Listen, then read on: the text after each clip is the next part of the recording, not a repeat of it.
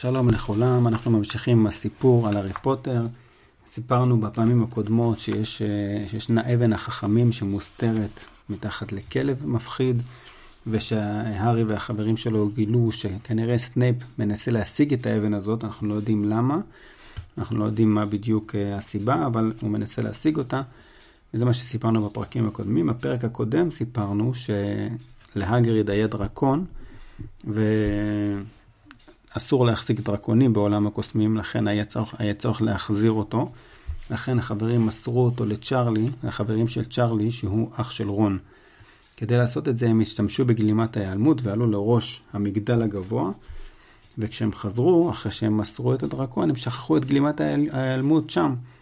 ואז תפסו אותם. והרי אסור לשוטט בלילה אה, בחוץ. אז אה, עכשיו תפסו אותם. עכשיו תפסו את, ה, את החברים שהסתובבו באמצע הלילה מחוץ לחדרים שלהם. אנחנו נמשיך את הפרק שלנו. פילץ' השרת הביא, הביא אותם אל המשרד של פרופסור מגונגל, ושם הם ישבו והמתינו בלי לומר מילה. הרמיוני רעדה. הם לא ידעו מה לעשות, הארי לא ידע, וניסה לחשוב מה להגיד, איזה תירוצים להגיד, אבל יש צרה, הם לא יודעים מה לעשות, איך לצאת מזה. איך הם יסבירו לפרופסור מגונגל למה הם יצאו מהמיטה כדי לשוטט בבית הספר באמצע הלילה, וטיפסו על ראש מגדל התצפית הגבוה ביותר, שזה שטח אסור להיכנס אליו חוץ מהשיעורים של האסטרונומיה כשנכנסים לשם. ויש את הסיפור של הדרקון, שאסור שיהיה, ואת גלימת ההיעלמות. כנראה שהם יקבלו עונש ויסלקו אותם מבית הספר. מה עושים? הארי חשב שהוא נמצא במקום הכי גרוע, אבל כנראה שזה לא היה הכי גרוע, כי פרופסור מגונגל הגיע והביאה איתה את נביל. מסתבר שנביל ניסה להזהיר אותם. אז נביל אמר, הארי, ניסיתי למצוא אותך ולהזהיר אותך, שמעתי את מאלפוי אומר שהוא הולך לתפוס אותך, הוא אמר שיש לך דרק. הארי סימן לו עם הראש, לא, לא, שישתוק. אבל פרופסור מגונגל שמה לב לזה, והיא הבינה. היא אמרה, לא הייתי מאמינה על אף אחד משלושתכם שזה יכול לקרות. מר פילץ' אומר שהייתם במגדל התצפית באחת לפנות בוקר, תסבירו את עצמכם. הרמיוני לא ידעה מה לענות, בפעם הראשונה היא לא ידעה מה לענות לשאלה של מורה. והפרופסור מגונגן אמרה, אני הבנתי מה קרה פה. לא צריך להיות גאון כדי לראות את זה. אתם סיפרתם למאלפוי איזה סיפור שהמצאתם על דרקון, כדי לגרום לו לצאת מהמיטה ולגרום לו להסתבך בצרות. אני כבר תפסתי אותו, סיפרנו בפרק הקודם שהיא תפסה אותו. והמשיכה ואמרה, אני, חוש... אני מניחה שאתם חושבים שזה מצחיק, כי גם נביל שמע את הסיפור שלכם והאמין לו, נכון? זה מה שקרה. אנחנו יודעים שזה לא קרה, כי באמת היה דרקון. לא סתם נביל המציא את הסיפור, אבל נביל נעלב. כי הוא הבין שהוא חושב שעבדו עליו עם הדרקון. הוא ממש נעלב, הוא רצה לבוא ולהזהיר אותם, ועכשיו הוא פתאום מבין שכאילו הם עבדו עליו, מה שלא היה נכון. הארי ניסה להסתכל על העיניים של נביל כדי לסמן לו בלי מילים שזה לא נכון. הארי ידע שהוא ממש התאמץ כדי להזהיר אותם. הפרופסור מגונגל המשיכה ואמרה, אני מזועזעת. ארבעה תלמידים יצאו מהמיטה בלילה אחד. גברת גריינג'ר, חשבתי שיש לך יותר שכל מזה. ואתה, אדון פוטר, חשבתי שגריפינדור יותר חשובה לך. שלושתכם תקבלו עונשים. כן, גם אתה. היא פנתה גם לנוויל. אז אה, העונש שהיא נתנה להם זה 50 נקודות שירדו מהבית של גריפינדור. הארי אמר 50? הרי אחרי שהם ניצחו במשחק הקווידיץ' הם קיבלו נקודות. והם היו במקום הראשון, ועכשיו, אם הם מאבדים, מאבדים נקודות, הם יאבדו את היתרון שלהם. פרופסור מגונגל אמרה, כן 50, אבל לכל אחד מכם. 150 נקודות יורדים מגריפינדור. הארי אמר, את לא יכולה. אל תגיד לי מה אני יכולה או מה אני לא יכולה לעשות, אדון פוטר, ועכשיו תחזרו למיטה כולכם. אני מתביישת בכם, תלמידי גריפינדור. ככה, אה, אחרי שנפלו 150 נקודות מה, מהניקוד של גריפינדור, גריפינדור הפכה להיות במקום האחרון. בלילה אחד הם הרסו את הסיכוי שלהם, של גריפינדור, לזכות בגביע, אחרי שנים. הארי לא ידע מה לעשות, איך הם, איך הם יפצו על זה. הארי לא ישן כל הלילה, הוא שמע את נוויל בוכה. הוא לא ידע מה לעשות. מה יקרה מחר בבוקר כששאר התלמידים של גריפינדור ישמעו מה קרה וישמעו מה הם עשו? בבוקר, הגריפינדורים ראו את שעון החול הענקי שרשם את נקודות הבית, וחשבו שקרתה טעות, איך יכול להיות שפתאום יש להם 150 נקודות פחות, אבל לאט לאט הסיפור התפשט.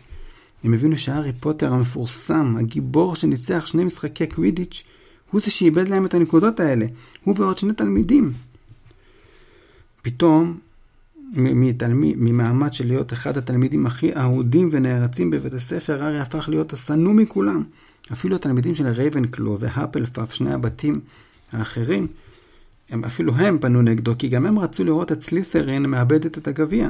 כולם הצביעו עליו, והיו מעליבים אותו אפילו בלי להנמיך את הכל. מצד שני, הסלית'רנים, הסלית'רנים, מצד שני מאוד מחאו כפיים כשהוא חלף לידם, והיו אמורים, תודה פוטר, אנחנו חייבים לך. רק רון תמך בו. כולם ישכחו את זה תוך כמה שבועות, פרד וג'ורג' איבדו הרבה נקודות בזמן שהם למדו כאן, ואנשים עדיין מחבבים אותם. הארי אמר, אבל הם אף פעם לא איבדו 150 נקודות בפעם אחת, נכון? רון אמר, אה, נכון, צודק.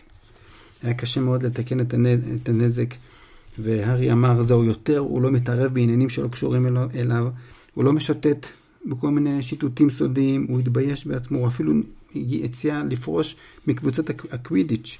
אבל ווד אמר לו, מה פתאום, זה לא יעזור לנו בשום צורה. אפילו שהוא בא להתאמן לקווידיץ', שאר השחקנים לא היו מדברים איתו. רק כשהם היו חייבים לדבר עליו, הם קראו לו המחפש. גם הרמיוני ונביל סבלו, אבל להם לא היה כל כך קשה כמו להארי, כי היו, הם היו פחות מוכרים. אבל גם איתם אף אחד לא רצה לדבר. הארי כמעט, הארי כמעט שמח שהמבחנים התקרבו, והוא היה, היה עסוק במבחנים ובלימודים, וככה הם היו, הוא, רון והרמיוני, משקיעים בלימודים, ופחות מתעסקים במבוכה שקרתה ובנקודות שעבדו. ואז פתאום, חודש לפני המבח... המבחנים, מה שארי החליט לא להתערב בעניינים שלא קשורים אליו, פתאום, פתאום בא לו כן להתערב בדברים שלא קשורים אליו, כי הוא חזר יום אחד מהספרייה, הוא שמע מישהו בוכה בכיתה סמוכה, זה היה הקול של קווירל. לא, לא, לא עוד פעם, בבקשה. זה היה נשמע כאילו מישהו מאיים עליו. הארי התקרב עוד. טוב, בסדר, בסדר. הוא שמע את קווירל אומר. אחרי שנייה קווירל יצא מהחדר במהירות, מיישר את הטורבן על הראש שלו, הוא היה חיוור, נראה כאילו עומד לבכות, והלך. הארי חשב שאפילו הוא לא שם לב אליו. הוא חיכה עד שקווירל התרחק, והוא נכנס לתוך החדר של הכיתה, לראות עם מי הוא דיבר. אבל הכיתה הייתה ריקה, אבל בקצה הרחוק הייתה דלת חצי פתוחה. הארי כמעט התקדם לדלת, אבל הוא נזכר בזה שהוא החליט לא להתערב בעניינים שלא קשורים אליו. אבל הארי כנראה הבין מעצמו שמה שקרה זה שסנייפ איים עליו. כנראה שסנייפ איים עליו, וקווירל כנראה נכנע בסוף. הארי חזר לספרייה, והוא אמר ל... וסיפר להרמיוני ולרון את מה שהוא ראה. רון אמר, אז סנייפ הצליח. אם קווירל סיפר לו איך לפרוץ את הקסם שלו נגד כוחות האופל, אז הוא עכשיו יצליח. הרמיוני אמרה, אבל עדיין יש את פלאפי, הכלב. רון אמר, אולי סנייפ מצא דרך לעקוף אותו, בלי שהגריד אמר לו. בטח יש פה איזה ספר שמספר איך עוקפים כלב ענק עם שלושה ראשים. אז מה נעשה, הארי? רון פתאום הרגיש שההרפתקה מתקרבת. הרמיוני אמרה, לא, לא, לא, לא, לא. לך אל דמבלדור. זה מה שהיינו צריכים לעשות מזמן. אם אנחנו עכשיו עוד פעם נעשה עניינים, בטח יסלקו אותנו. הארי אמר, אבל אין לנו, אין לנו הוכחות, אנחנו לא נוכל להגיד את זה לדמבלדור. קווירל בטח לא יספר את זה כי הוא מפחד. סנייפ יגיד שהוא לא יודע מה קרה ואיך הטרול נכנס באותו לילה. ושהוא בכלל לא יתקרב לקומה השלישית, בטח שדמבלדור לא יאמין לנו, אלא לסנייפ. ודמבלדור יחשוב שבגלל שאנחנו שונאים את סנייפ, אנחנו המצאנו את כל הסיפור הזה. בקיצור, אין לנו מה לעשות. בכלל אנחנו לא אמורים לדעת על האבן ולא על הפלאפי.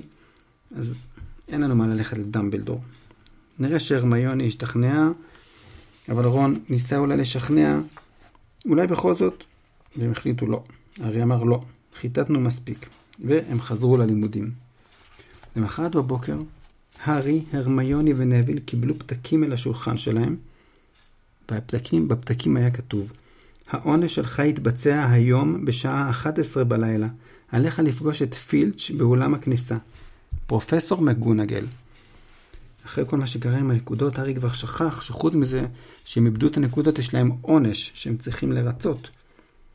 אז העונש שלהם זה שהם צריכים להגיע ב-11 בלילה ולבצע את העונש, אנחנו לא יודעים מה העונש. הגיעה השעה 11 בלילה, הרמיוני והארי נפרדו מרון וירדו עם נביל אל אולם הכניסה. פילץ' השרת כבר היה שם, וגם מלפוי, כי הרי גם מלפוי קיבל עונש. פילץ' אמר, בואו אחריי. והוא, תוך כדי דיבור, הוא אמר להם, אני רואה שבעתיד אתם תחשבו פעמיים לפני שתעברו שוב על חוקי בית הספר, אה? כן, כן, עבודה קשה וכאב זה הם המורים הטובים ביותר. פילץ' השרת רק אוהב להעניש ולה, ולה, ולהכות ולעשות דברים לא נעימים. הוא, הוא אמר, חבל שזנחו את שיטות העונש העתיקות, הכי טוב היה לתלות אתכם עם הידיים מהתקרה. הוא פשוט אוהב לעשות דברים כאלה, והוא מאוד שמח לזה ש... שהם מקבלים עונש. כולם צעדו בחושך, במדשאות. הארי ניסה, ניסה לחשוב מה העונש. בטח זה משהו איום ונורא, בגלל זה פילץ' כל כך שמח. הם המשיכו ללכת, ואז פתאום הם שמעו את הקול של הגריד. זה אתה פילץ', תן מהר כבר, אני רוצה להתחיל. הארי שמח. אם הם עומדים לעבוד עם הגריד זה לא יהיה כל כך נורא. פילץ' ראה כנראה שהארי שמח, אז הוא אמר לו, אתה חושב ש... אה, שיהיה לך נחמד לבלות עם הגולם הזה?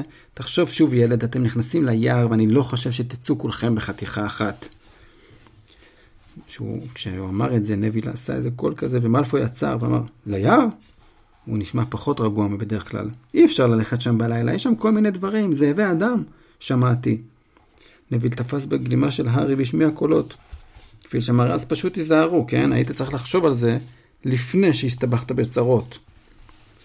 הגריד פתאום יצא מהאפלה עם פאנג, הכלב שלו, לידו. הוא החזיק ביד את הקשת הגדולה שלו, והשפת חיצים הייתה תלויה על הכתף שלו. הגריד אמר, זה הגיע הזמן, אני כבר מחכה חצי שעה. הכל בסדר, ארי הרמיוני. פילץ' אמר, במקומך לא הייתי כל כך נחמד אליהם, הגריד. בסך הכל הם פה לקבל עונש. הגריד אמר, בגלל זה אתה איחרת? בגלל שהיית חייב לדבר איתם, להטיף להם מוסר, זה לא התפקיד שלך. לך מפה, עשית את שלך, אני אקח אותם מכאן. פילץ' אמר, אני אחזור עם שחר לאסוף את מה שיישאר מהם. והלך. מלפוי אמר להגריד, אני לא נכנס ליער. הארי שמח לשמוע שהוא קצת פוחד.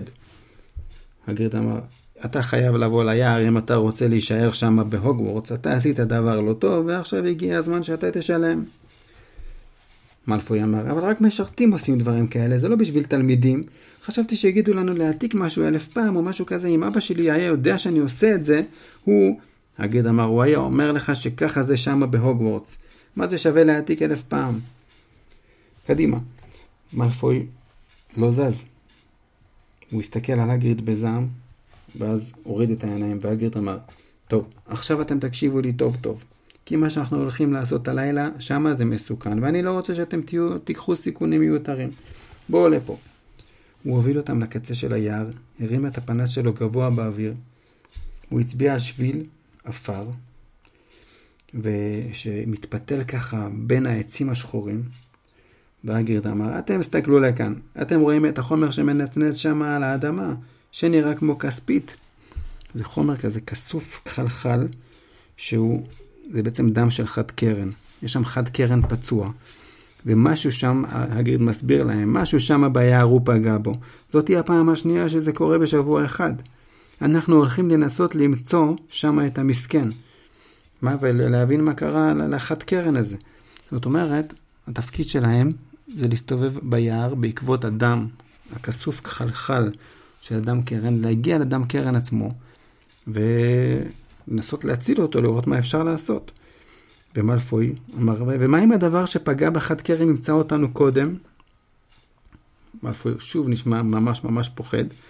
הגד אמר, אין ביער הזה שום דבר שהוא יפגע בך אם אתה איתי או אם פנגה כלב. ואם אתה לא יורד מהשביל, הכל יהיה בסדר.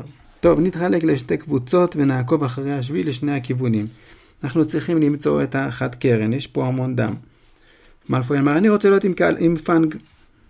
הגריד אמר, בסדר, אבל שאתה תדע, הוא פחדן. אז אני, הארי והרמיוני, אנחנו נלך לכיוון אחד, ומלפוי, נביל ופאנג ילכו לכיוון השני. אם מישהו מאיתנו מוצא את החד קרן, הוא יורה באוויר עם השרביט שלו גיצים ירוקים. ואם מישהו נקלע לצרות, אתם תראו גיצים אדומים ואנחנו כולנו נבוא לעזור לכם. אז קדימה, בואו נלך.